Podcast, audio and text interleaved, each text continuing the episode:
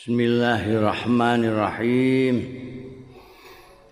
Qala al-muallif rahimahullah wa nafa'ana bihi wa bi ulumihi fid amin. Faslun min kalamihi wa mawa'idhihi.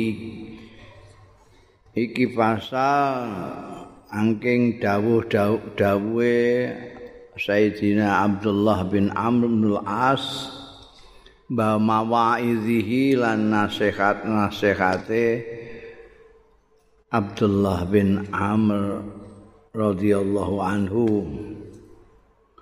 Kala ngendika sapa Abdullah bin Amr maktubun fi Taurat iku tertulis fil Taurat yang dalam kitab Taurat utawi dawuh mantajarroa fajaro man utawi sapane wong tajarroa sing kumawani ra ngajar fajaro mongko lacut ya man. Waman hafaro tai sapaning wong hafaro sing menggali apa cara jane menggali? Duduk. Hafrata suin. Ing galian jahat galian buruk. Galian buruk itu dia duduk. Jogangan untuk memperangkap orang wong ben kejegur kono kaprat asuin li sahibi kanggo kancane man. Waqa'a mongko ceblok sapa man jatuh fiha ing dalem hafrah.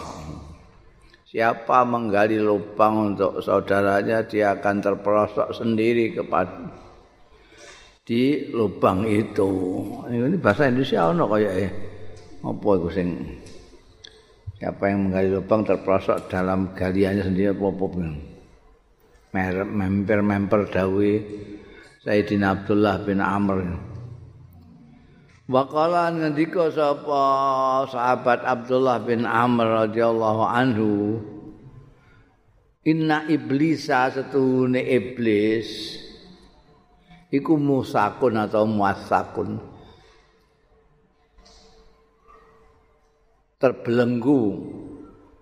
Apa terbelenggu? Cara jalannya apa? Dirangket fil arti yang dalam tanah asufla sing ngisor di bawah tanah.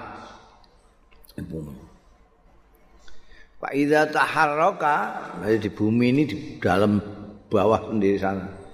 Iblis dirangket nih Fa iza taharraka mongko tatkalane bergerak iya iblis.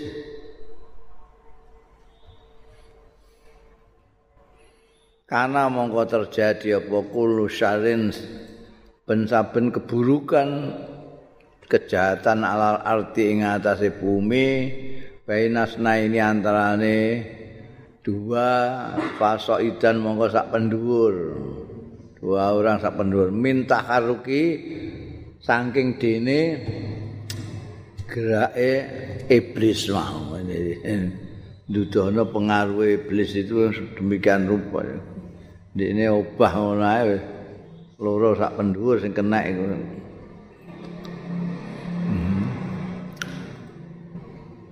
Wa qala lan dawuh sapa Abdullah bin Amr mansuila billah. Sapaning wong suila kang dijaluki ya man. Billahi kelawan nggawa-nggawa asmane Gusti Allah. Wallahi kula niki mboten gadah napa-napa. Wallahi kula lesu banget ben gadah duit iki nyuwun on si suila billahi. Fa'ata mongko aweh sapa man kutiba mengko dicatet lahu kanggo man apa sapuna 70 hapane ajran ganjarane.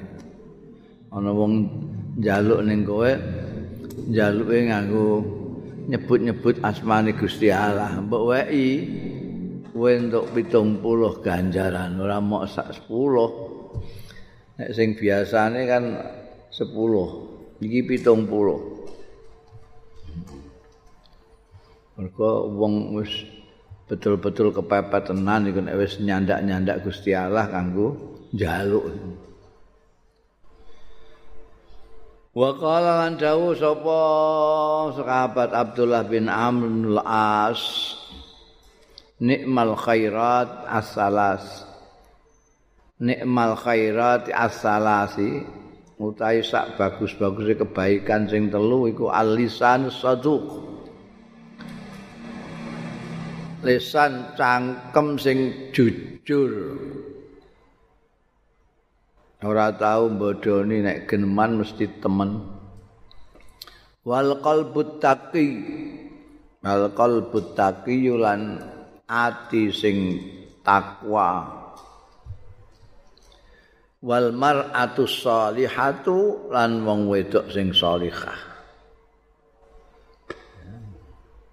api-api kebaikan ini tiga itu adalah bicara yang jujur, tidak bodoninan, hati yang terus adep takwa karo Gusti Allah, wong wedok sing saleh. Wa bi'sa syarat as-salas, entek kosok wangsule saiki. Elek-eleke kejahatan-kejahatan sing telu iku alisanul kazu lisan sing bodoninan wal qalbul fajir. Lan ati sing lacut. Wal mar'atus su. Lan wong wedok sing elek. Bandingane sing salihah mau. Sing judas uh, ngrasaninan sing dengkinan dong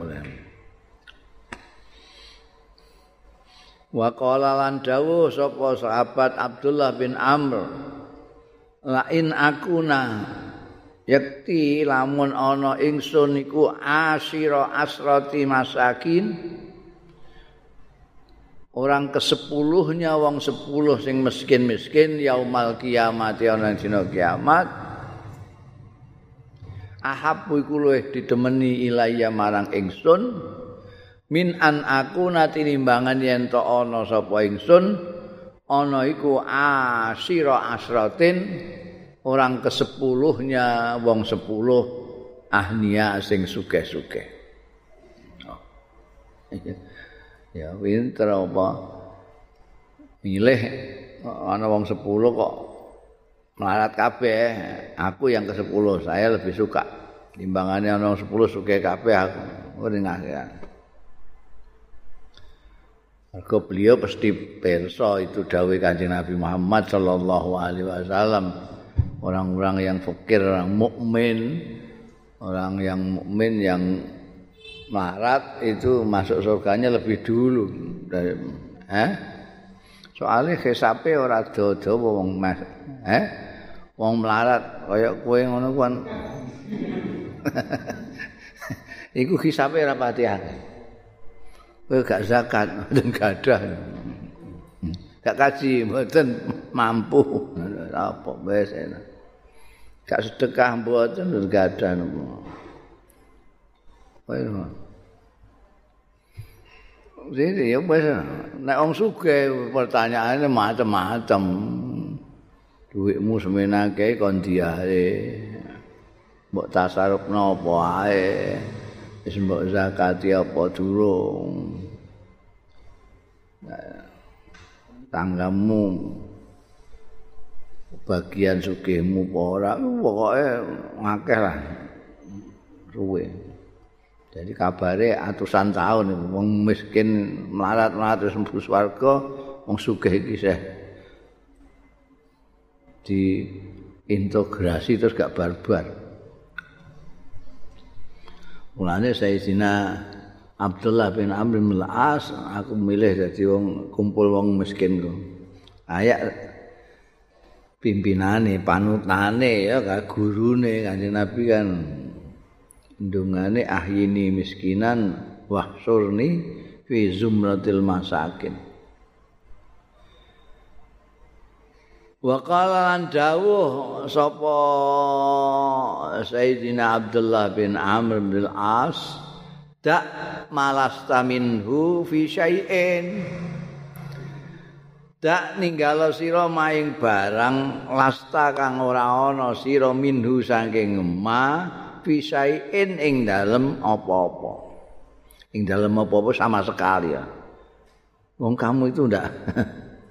Hah? Ndak ada urusan sama sekali. Mbok urusi ku apa? Dak malasta minhu fisain Wala tantik lan aja guneman sira fi maing dalem barang layak nikah. Sing ora maedai emak ing sira. Tentang hal yang tidak maedai. Wazun lan jagalah lisanakan jaga sira lisanaka ing lisanira kama tahzuna. Kama tahzun kaya dene jaga sira warakaka ing dhuwitmu.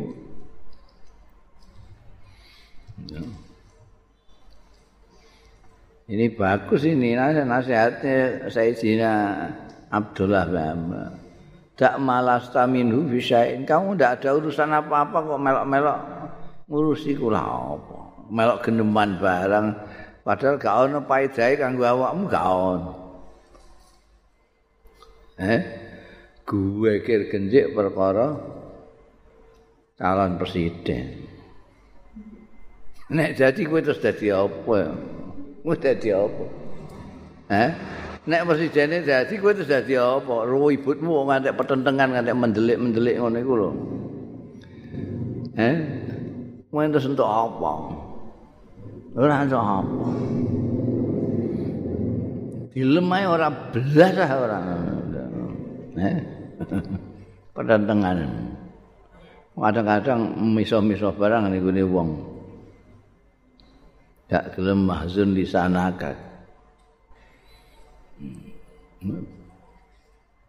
duit aja coba ketemu cangkem diumbar jeplak.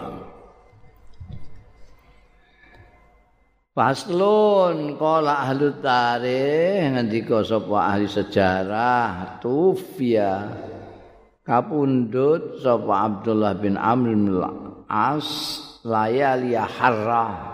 Ana ing malam-malam harrah sanata salasin wasitin tahun 63 layalil harrah. Harrah itu satu tempat daerah di Medina.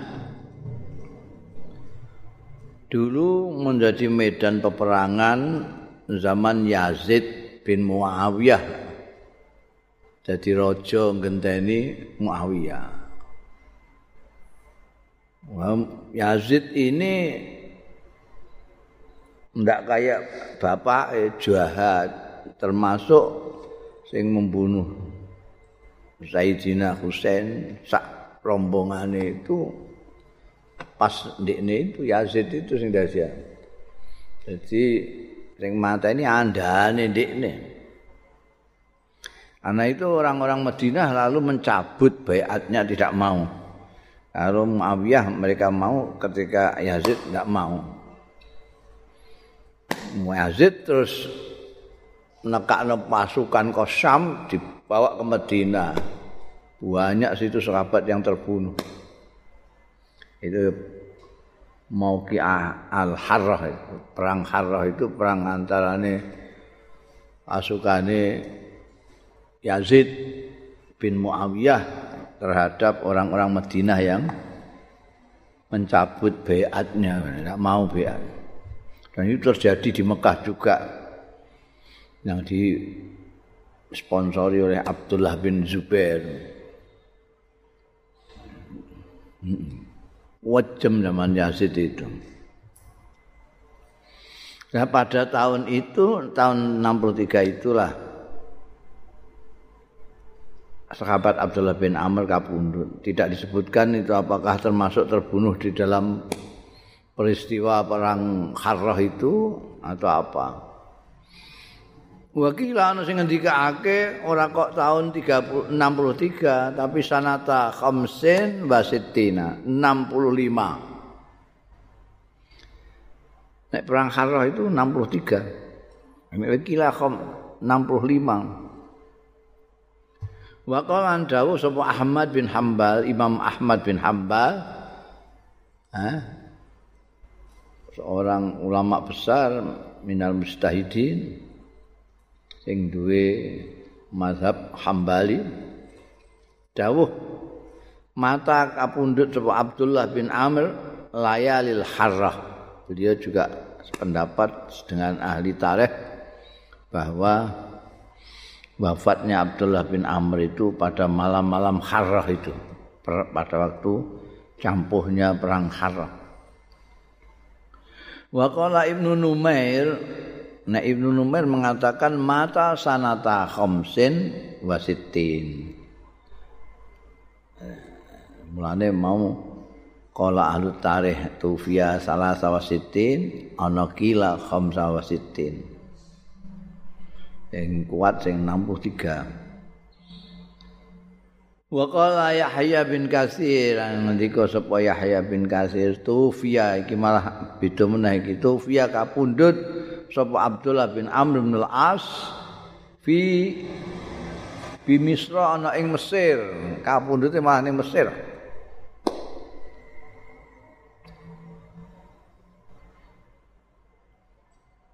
Batu fialan kapundut ya Abdullah bin Amr fi dari ing dalem-daleme.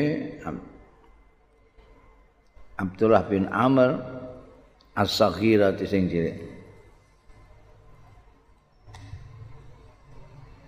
Kita tahu apa jenenge? Ayahnya Abdullah ini yaitu sahabat Amr bin As itu pernah jadi gubernur Mesir. Zaman Sayyidina Umar bin Khattab menjadi kepala negara, beliau itu apa namanya? gubernur Mesir. Nah, ya. Makanya putranya Abdullah bin Umar punya rumah kecil di sana. Memang menurut Yahya bin Abi Kasir, beliau meninggalnya di Mesir. Fidari Sohira yang dalam daleme Abdullah bin Amr as-saghira sing cilik. Omahe anake gubernur tapi cilik omahe.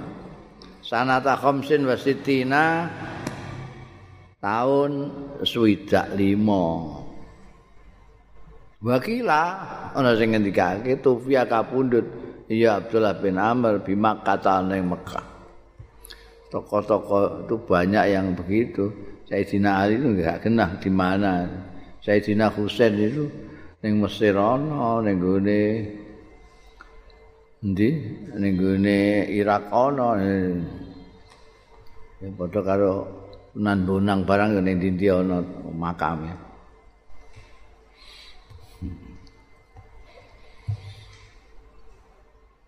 Bunda Zikru Abdullah bin Zubair. ini lebih muda lagi. Jadi paling dari kalangan yang muda itu yang paling tua dari kalangan muda yang paling tua itu Abdullah bin Umar bin Khattab. Terus yang sak pantaran Abdullah bin Abbas sampai Abdullah bin Amr bin As lebih muda lagi ini Abdullah bin Az-Zubair putranya Az-Zubair tokoh yang termasuk sepuluh sahabat yang mubasyarin itu. Wa utai Abdullah bin Az-Zubair iku Abdullah bin Az-Zubair bin Al-Awwam, putranya Az-Zubair bin Al-Awwam. Abuhu utawi ramane Abdullah iku Az-Zubair. Termasuk khawari Rasulullah sallallahu alaihi wasallam. Istilah khawari itu digunakan ning Sayyidina Isa. Nabi Isa itu sahabatnya disebut Khawari. Nahnu Khawariyun. Nah, ini yang dijuluki di antara sahabat oleh Kanjeng Nabi itu Az-Zubair disebut Hawari Rasulullah sallallahu alaihi wasallam. Sementara wa ummuhu ta ibune Abdullah iku Asma. Siapa Asma itu? Asma itu Mbak Yune Sayyidatina Aisyah. Asma binti Abu Bakrin. Sing dijuluki Zatun Niqtaq. Mergo nitoke udete disuwek dinggo madai makanan untuk Kanjeng Rasul sallallahu alaihi wasallam karo Sayyidina Abu Bakar Siddiq ketika hijrah dulu itu. Asma binti Abi Bakar. Jadi ini dari segi DNA ini luar biasa. Ramane Khawari Rasul, ibune Asma binti Abi Bakrin, wajadu tayembahe kakung kakeknya Abdullah iku Abu Bakrin, sahabat Abu Bakar Siddiq. Karena dia putranya Asma. Wa tu utawi bulie Abdullah bin Zubair iku Aisyah tu Sayyidatina Aisyah. Sayyidatina Aisyah enggak kagungan putra, tapi punya kunyah. Beliau dikunyai Ummu Abdullah. itu dari Abdullah bin Az-Zubair ini ponakane itu.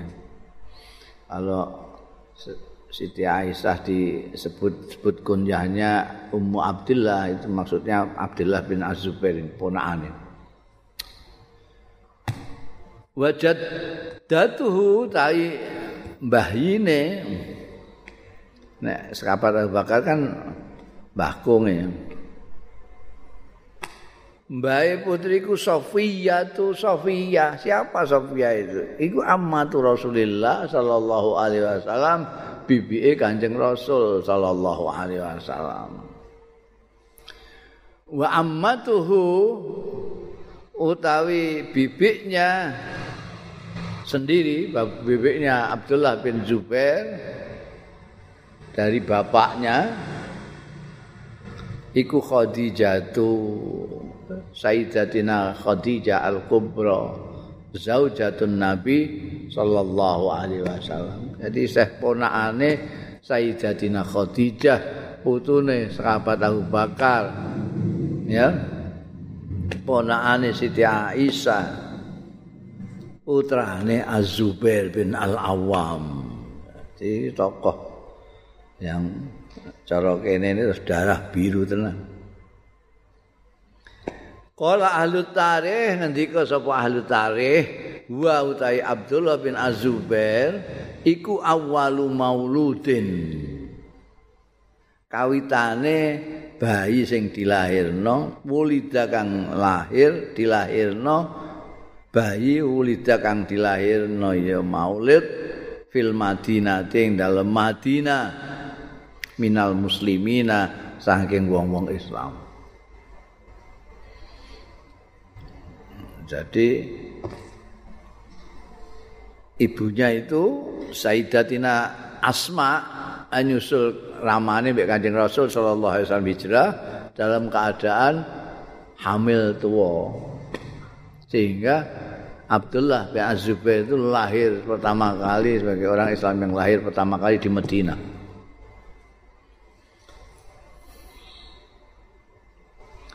Wakila minal muhajirin Ana sing kono minal muslimin tegese orang-orang Madinah sendiri yang muslim-muslim itu, orang-orang Ansar tidak ada yang lahir di Madinah pada pada waktu kanjeng Nabi di sana. Nah ini kila minal muhajirin tegese dialah orang pertama, bayi pertama yang dilahirkan dari kalangan muhajirin. Dalam kalangan muhajirin.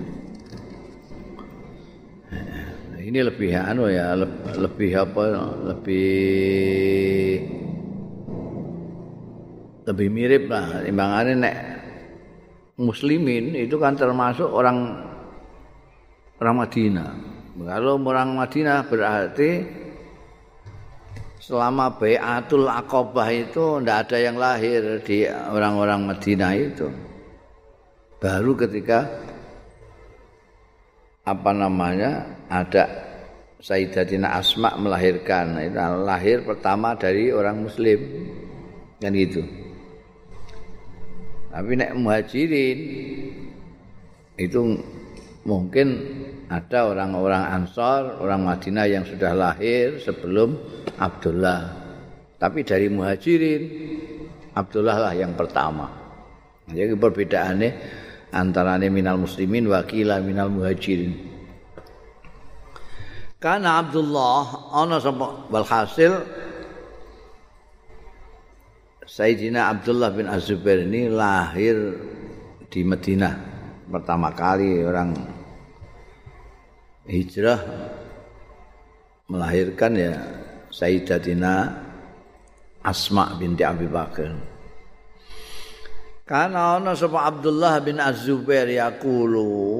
Ngendika sapa Abdullah bin Zubair hajar tu hijrah sapa ingsun. La hajarat hajarat hijrah. Bi lawan ingsun sapa ummi ibuku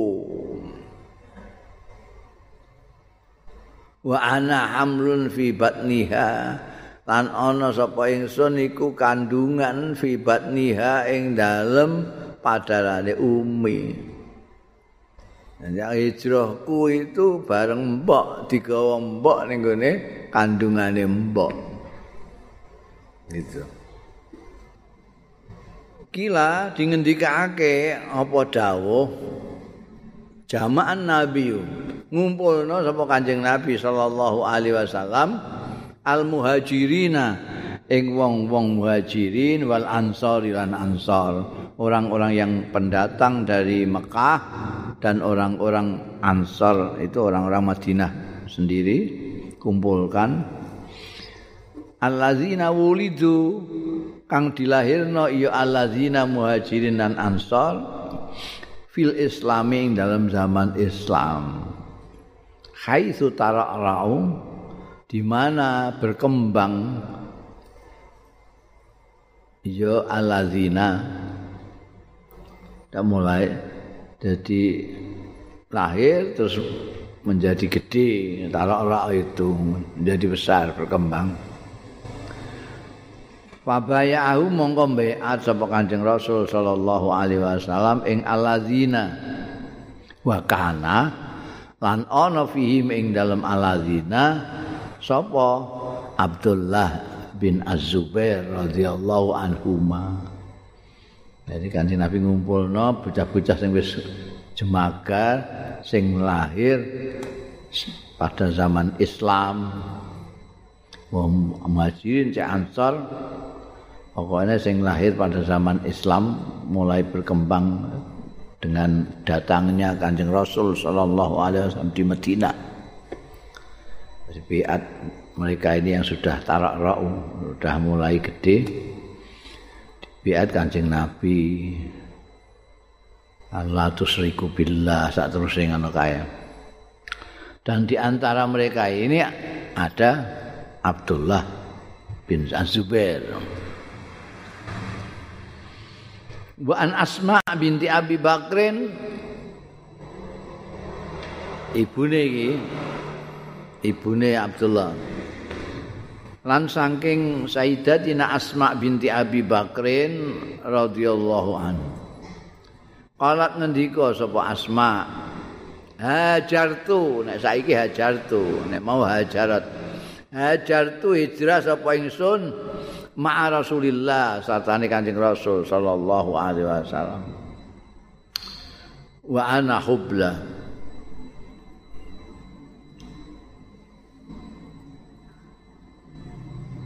Bersama Rasulullah itu mungkin ya bersama pada anunya ya, tahunnya apa-apa gitu. Sebab kalau menurut sejarah itu riwayatnya kan kalau bersama-sama dalam pengertian berangkatnya bareng itu kan yang kita baca dari tarikh itu Kanjeng Rasul hanya bersama-sama sahabat Abu Bakar As-Siddiq yang menyiapkan itu Asma sama putranya.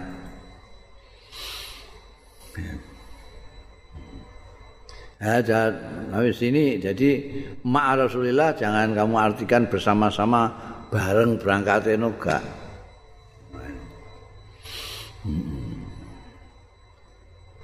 Wa ana kali utai ingsun iku hubla lagi ngandut.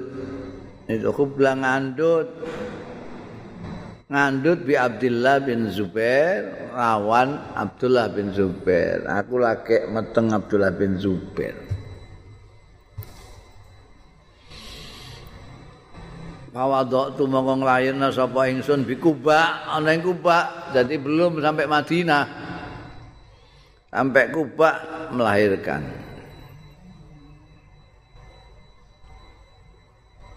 Alam ardo mongko ora nyusoni sapa ingsun ing Abdullah bin Zubair hatta ataitu bihi sampai hatta sehingga sowan sapa ingsun bi kelawan gawa Abdullah bin Zubair an nabiya ing kanjeng nabi sallallahu alaihi wasallam.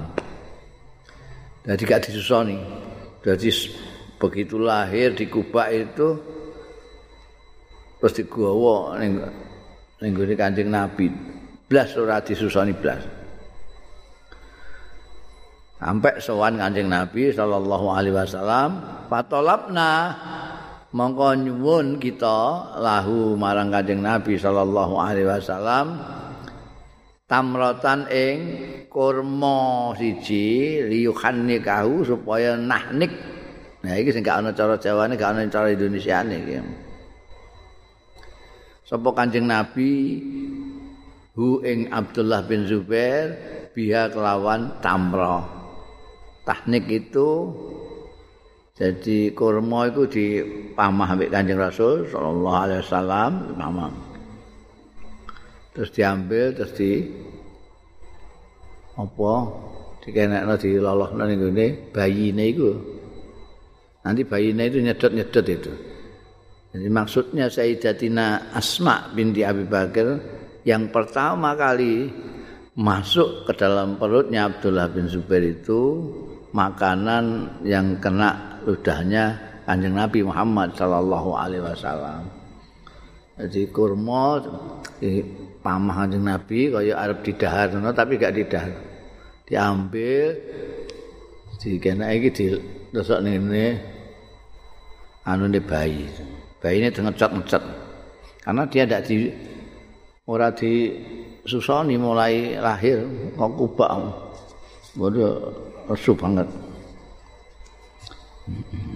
Ini untuk menunjukkan bahwa makanan pertama yang masuk ke dalam perutnya Abdullah bin Zubair dari Kanjeng Rasul. Saiki ditiru wong-wong do jaluk dikono mbek kiai-kiai ulama-ulama. Tahnik sini. Hatta wajadna ya kita cari kurma supaya kanjeng Nabi itu mentahnik Abdullah bin Zubair. hanta wajatna kita mencari iku mau durung ditahnik lagi golek golek dinggo tahnik golek kata wajatna sehingga nemu kita ha ing tamrah. Anak nahu mongko njalukno tahnik kita hu ing kanjeng nabi sallallahu alaihi wasallam biha tawan tamrah. Dadi nek kowe njalukno anakmu kon lahir kiai gawakno kurma aja kiai mbok kon golekno kurma. Eh patusake kurma iki kula bayi bayi kula jenengan tahnik gak kowe nggawa dhewe golek kaya Sayyidatina Asma golek kok terus diaturno Kanjeng Nabi. Fa inna awwala ma dakhala angka setuhune kawitane barang dakhala kang mlebu ya ma jaufahu ing wetenge Abdullah bin Zubair iku riku Rasulullah sallallahu alaihi wasallam itu idune ludahnya Kanjeng Rasul sallallahu alaihi wasallam. Ahbarana Ahmad bin Zahir At-Tusi Ahbarana Muhammad bin Ibrahim Al-Farisin Haddatsana Muhammad bin Isa bin Amurwah حدثنا إبراهيم بن سفيان حدثنا مسلم بن الحجاج حدثنا عقبة بن مكرم العمي حدثنا يعقوب يعني ابن إسحاق الحضرمي أخبرنا الأسود بن شيبان عن أبي عن أبي نوفل نعم. آه، يا أخبرنا الأسود بن شيبان عن أبي نوفل Kala ngendika sapa? Al-Aswad bin Syaiban an Abi Naufal ngendika sapa Abi Naufal raaitu Abdullah bin Zubair. Ningali sapa ingsun Abdullah bin Az-Zubair.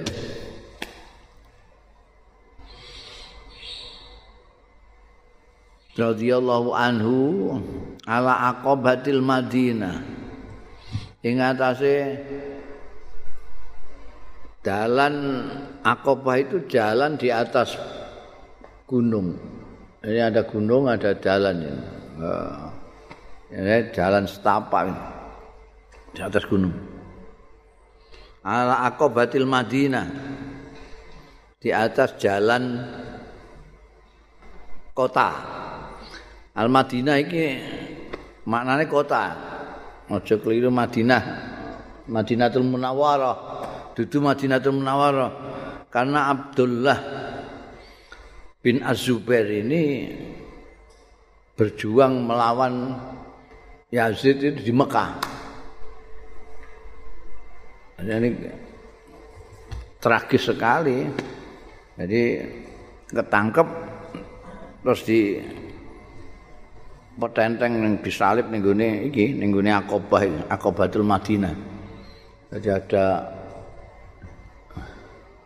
Mekah itu kan kayak kobokan.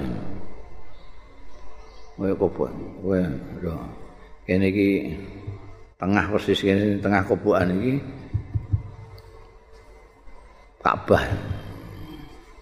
Terus mundur mundur mundur.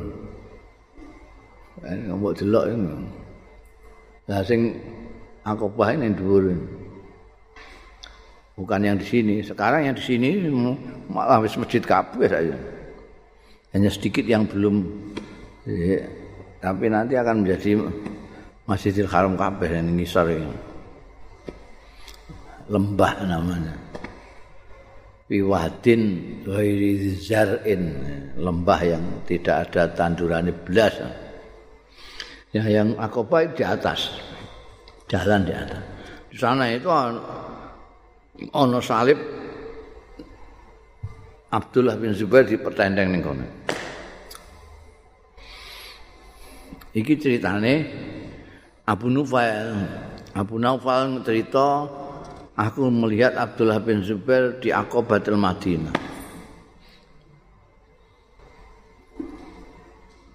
Kala ngendika sapa Abu Abu Naufal Paja alat Quraisyun tamuru mongko dadi sapa Quraisyun wong-wong Quraisy iku tamuru liwat. Alai ing atase Abdullah bin Zubair. Wan nasulan ya wong-wong liyane Quraisy. Wong Quraisy liyane Quraisy do liwat ndelok Abdullah bin Zubair. Disalib. Kata marra alai Abdullah bin Umar sehingga liwat alai ing atase Abdullah bin Zubair sapa Abdullah bin Umar bin Khattab.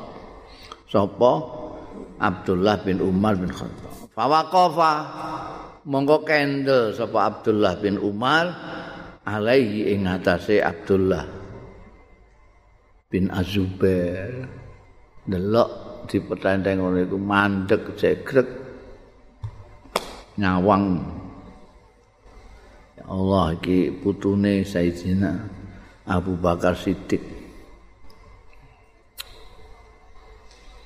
Pakola mongko ngendika Abdullah bin Umar Assalamu alayka Abah Hubaib. Assalamu alayka Aba Hubaib. tai keselamatan muga tetep ing atase sliramu Abu Hubeb eh Abu Hubeb putra pertamanya Abdullah bin Zubair itu namanya Hubeb. Maka beliau kunyahnya Abu Hubeb. Kebiasaan orang Arab itu itu jadi anaknya sing barep iku dinggo kunyahe bapake nek nek maca muni Abu Naufal itu berarti anaknya Abu Naufal. Jenenge napa sing barep Iki assalamu alayka Aba Hubaib assalamu alayka Aba Hubaib assalamu alayka Aba Hubaib sampai ping telu. Itu kesukaannya Abdullah bin Umar bin Khattab itu. Setelah salam tiga kali saya ditiru kadang-kadang tiru balik iku. Salam ping telu ku yang ditiru Abdullah bin Umar itu. Tapi ora kok ngaku. Ora kok dikai komentar sik barang. Salah maling kok melempem san malih. Assalamualaikum. San malih. Ora usah ngono. Assalamualaikum warahmatullahi telu. Assalamualaikum Abah Hubeb. Assalamualaikum Abah Hubeb. ama wallahi eling-eling wallahi demi Allah laqad kuntu yakti teman-teman ana sapa ingsun anha ka anha aku kan wis nyegah sapa ingsun ka ing sampean sira anha saking iki. Ing bruntak ning pemerintah yang dipimpin oleh Yazid bin Muawiyah. Itu masyur itu perlawanannya Abdullah bin Azubair di Mekah ini. Jadi beliau itu apa mengumumkan jadi khalifah juga di Mekah. Perang karo Yazid.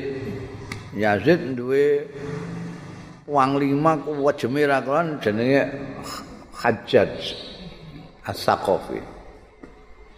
Pura hajat ini.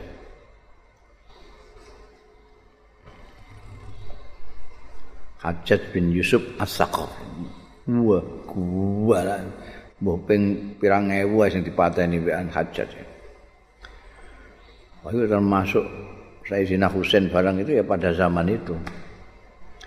Maka banyak pergolakan pada zaman Yazid itu termasuk pergolakan di Mekah yang dipimpin oleh Abdullah bin Zubair. sampai kalah pasukannya. Dia berlindung di Masjidil Haram. Tentara Yazid ini ambang ajat barang nggak peduli Masjidil Haram cek ora. Doa hantem juga sikat. Itu kejadian dua kali nih di Masjidil Haram. Yang pertama zaman hajat nyerbu Abdullah bin Zubair nganggu manjanik manjanik meriam manjanik kayak ketepil kene ane iki kei watu terus dijedet dhek mon kabahe ya kena. Sing kedua aku malah roh iku ning aku pas ning gone kono tahun 79 ana pemberontakan ning Saudi terus di hmm. kemudian zaman Abdullah bin Zubair itu ndelike ning gone Masjidil Haram. Serbu Masjidil Haram itu diserbu, ora peduli ajat itu. Terus kuat cekel terus ditenteng ning gone anu. Iku mengharukan Abdullah bin Umar itu aku rak wis kondo mbek sampean aja aja nglawan wong ora ngerti abang ireng ngerti tatanan mbok lawan iku ngawur kowe Fakot kuntu anha ka anha saking iki. Ama wallahi ing kuntu ma'alim tu sawama. Elengin wallahi demi Allah. Ing stune kelakuan. Ing stune kelakuan kuntu ana sapa ingsun. Ma'alim tu. Sepanjang pengetahuan saya. Terus jawabannya apa? Ma'alim tu. Sak ngertiku. Ma'alim tu sak ngertiku sepanjang pengertianku ing sedune kelakuan kunta ana sira ma'alim tu sepanjang yang saya tahu sak ngertiku iku sawaman awakmu iku sak pengetahuanku engkau ini sawaman suka poso kawaman suka jungkung bengi. Wasulan suka nepung lirahimi marang sanak seneng nepung sanak sepengetahuan saya kamu itu suka poso, suka jungkung, suka nepung sana, kok akibatnya seperti ini. Kan aku wis nah, aku wis nyegah awakmu to. Ama wallahi eling-eling wallahi demi Allah la ummatun. Yakti utawi umat anta kang utawi sira iku syarruha dianggap elek-eleke umat la ummatu khairun yakti umat yang paling baik. Umat wis dianggap elek umat apa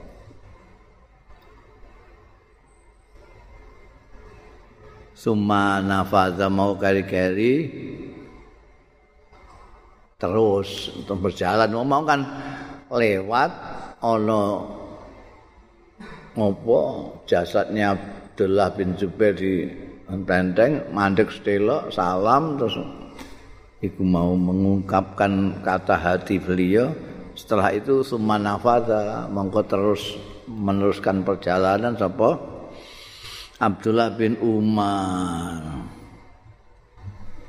Fabalaghal Hajjaj Hajjat iku sing tak ngajak nama Hajjat bin Yusuf As-Saqafi.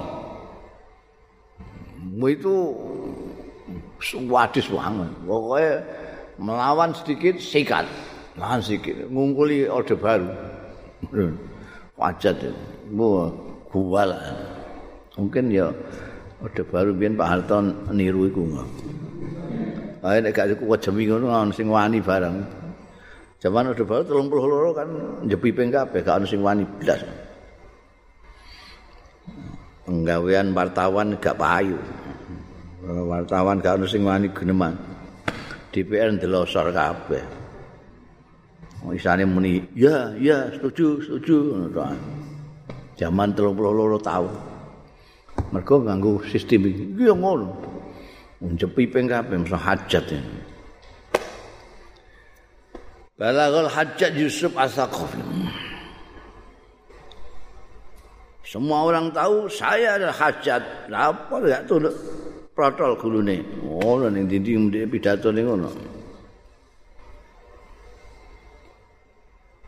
Iki ngendikane Sayyidina Abdullah bin Umar di hadapan Abdullah yang disalib itu bang. Kerungu sampai kepada hajat apa sih gak kerungu eh? Biar kau ini ngentut tit nih Pak Harto kerungu Jakarta. Ibu hajat jago mau kerungu apa yang disampaikan sahabat Abdullah bin Umar yang pada waktu itu kan ya seperti politik-politik biasa lah. Siapa yang menang itu terus sing lawan di ini mesti salah ya. Hah? Ode apa ae. Sing menang iku ya menang-menangan. Wis sing lawan mesti salah.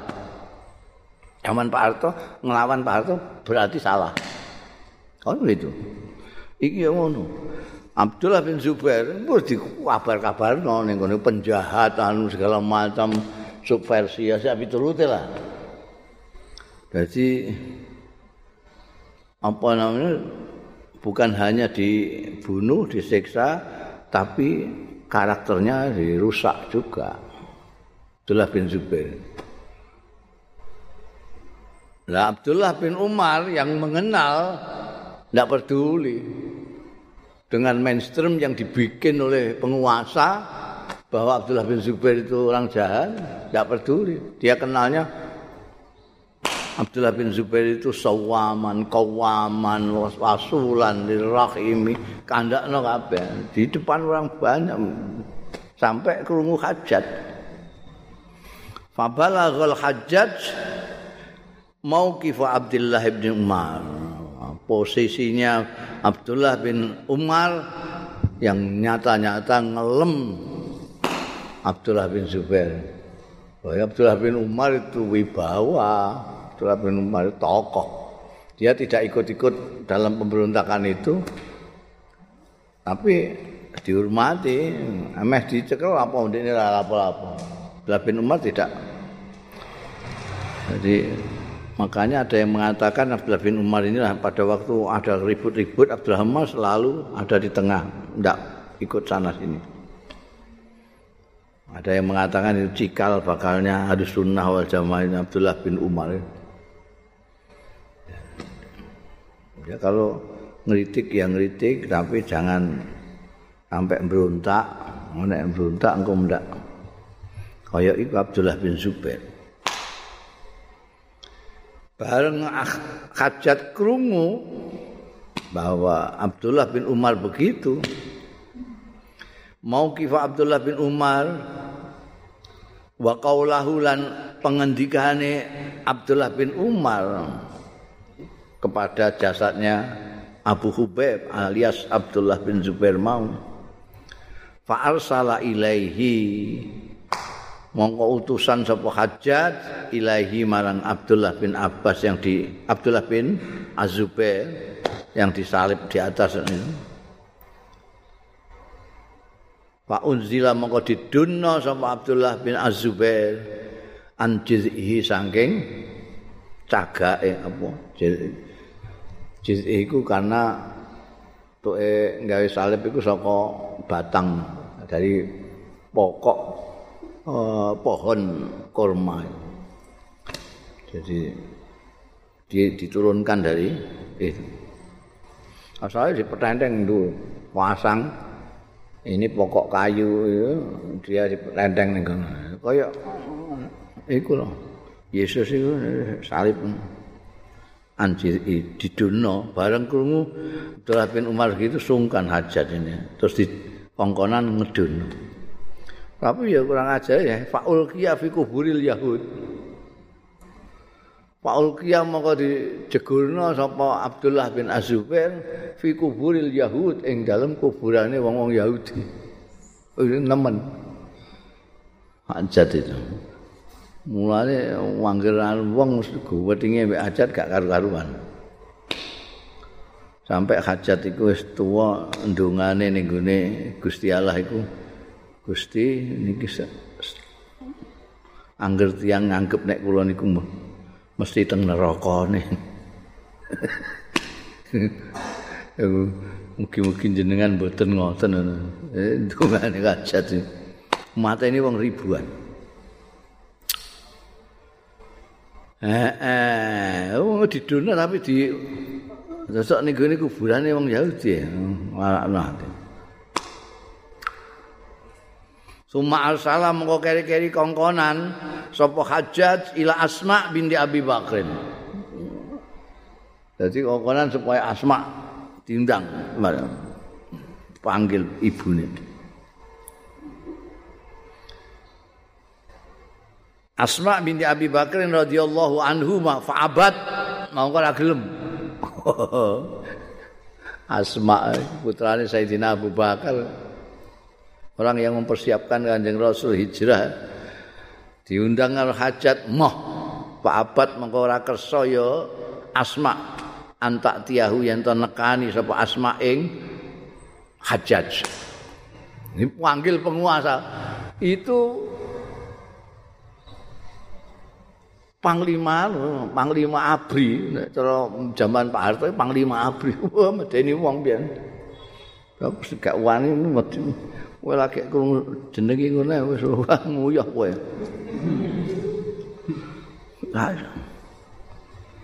Iki gak nak. Enak ae ngundang-undang wong. Fabat antak tiahu. Rakyat wedok. Undang an yen istilah kom kamtip.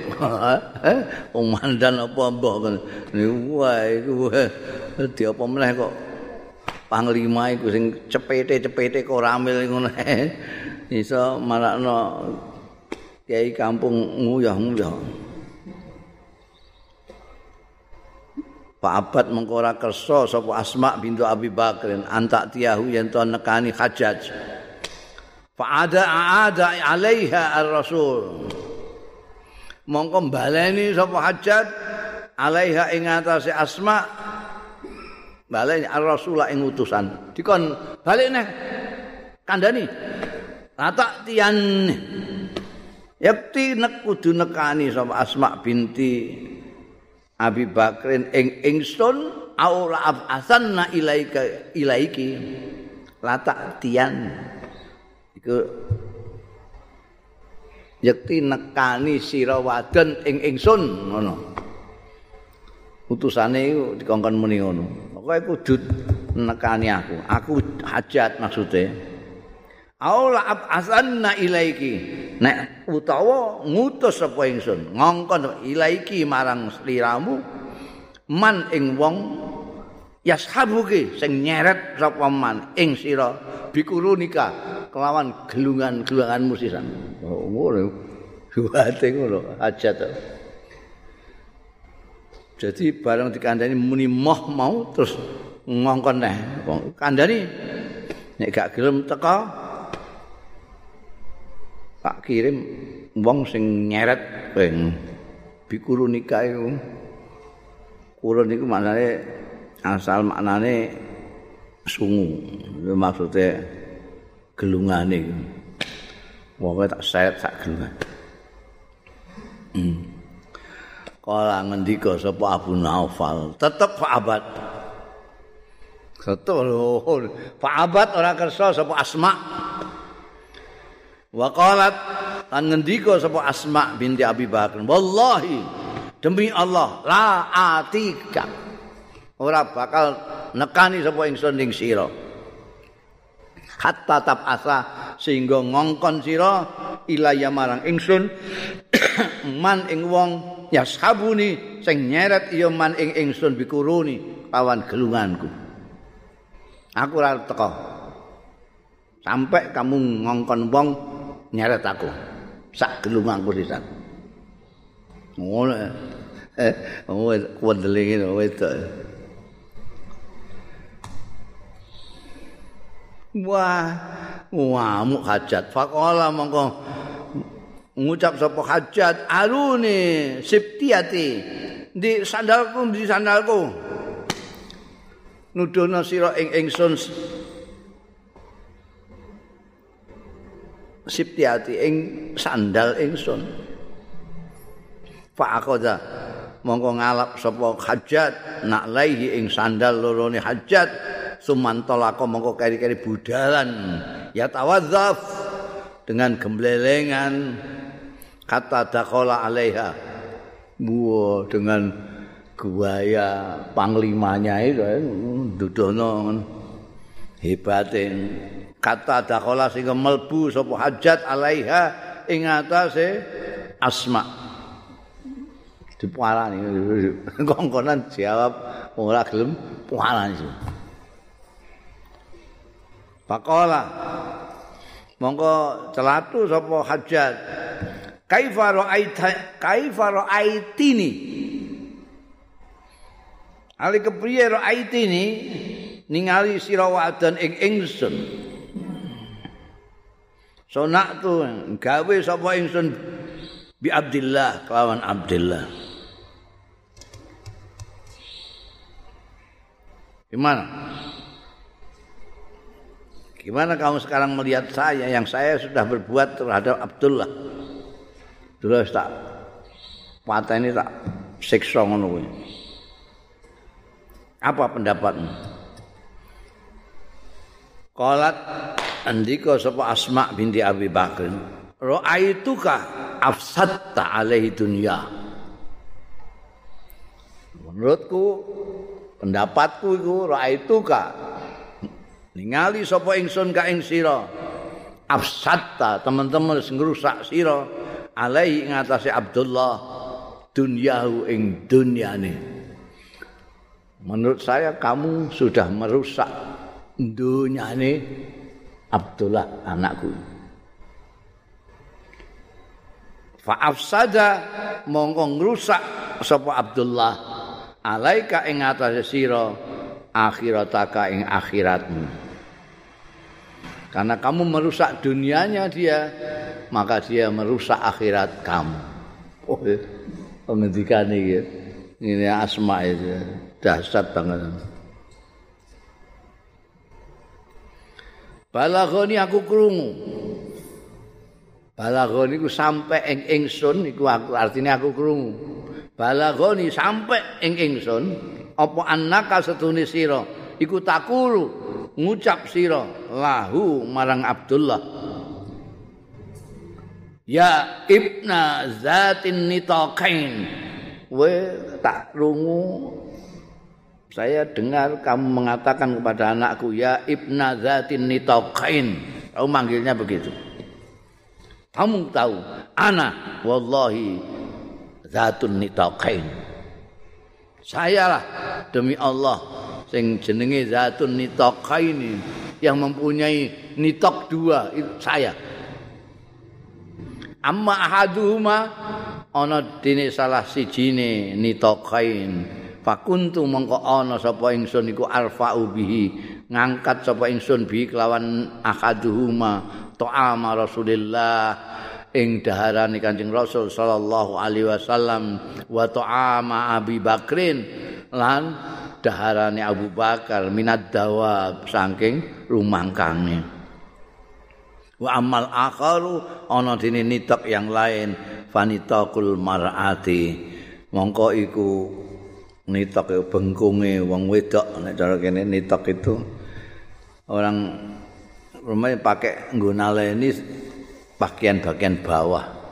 Nah, kene ya udet sing kuwedi mbiyen gak menangi kowe jenenge bengkung. Ya. Udet iku sing ora pati dawa nek bengkung. Wow.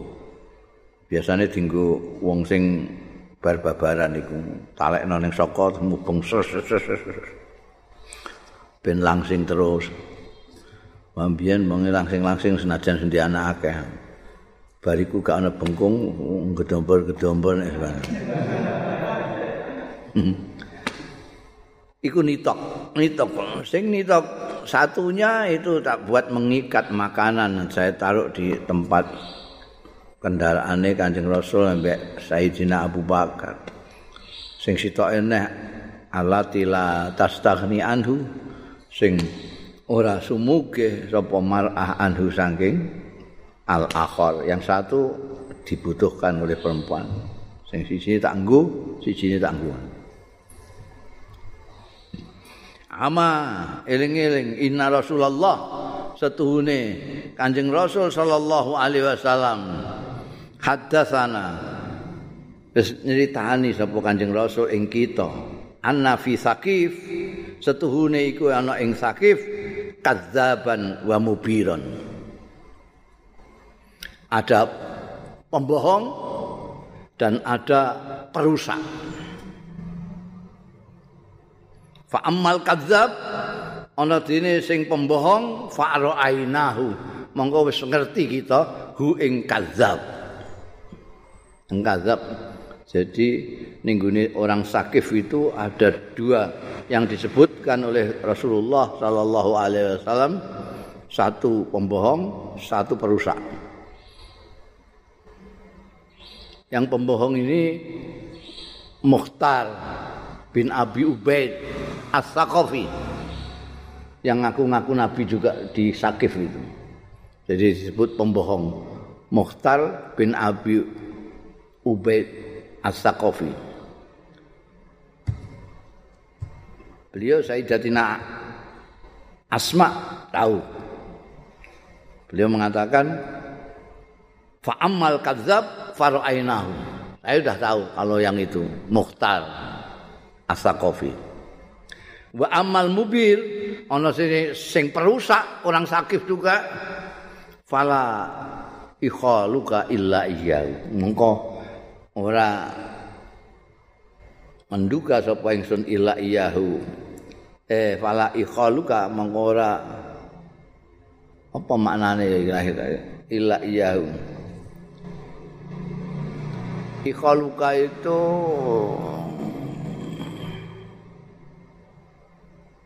tidak tidak meleset dari kamu malah ikhaluka illa iyahu tidak tidak uh, menduga saya akan kamu illa iyahu.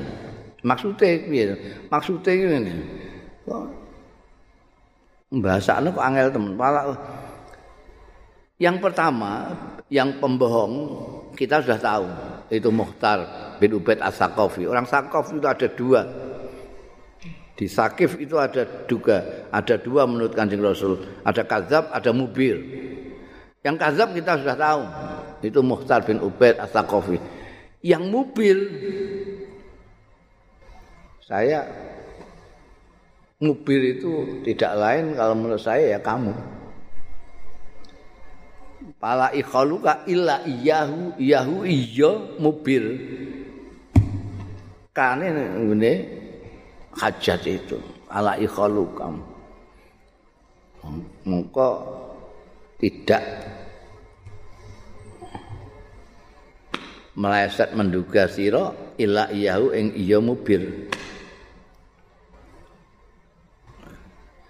Jadi kalau yang kadzab kita sudah lihat orangnya muhtar. Yang kedua saya kira tidak lain adalah kamu sendiri yang mobil yang perusahaan itu. Kondel ya. Kala ngendika sapa Abu Naufal Fakoma mongko gak sidoan. Fakoma terus ngadeg ngono hajat anha saking asma walam yurajiha mongko ora baleni sapa al-jadha ing asma. Dia gak mengira lo wedok galake kaya ngono. Wani mek dekne. Padahal wong-wong itu mek hajat roh ae wis njepiping. Ini dihadapi mah diomongi kaya ngono. Gak iso keneman ngadeg terus lunga. Ora balik neh. Wallahu a'lam. Ruwiya an amr di dinar wallahu a'lam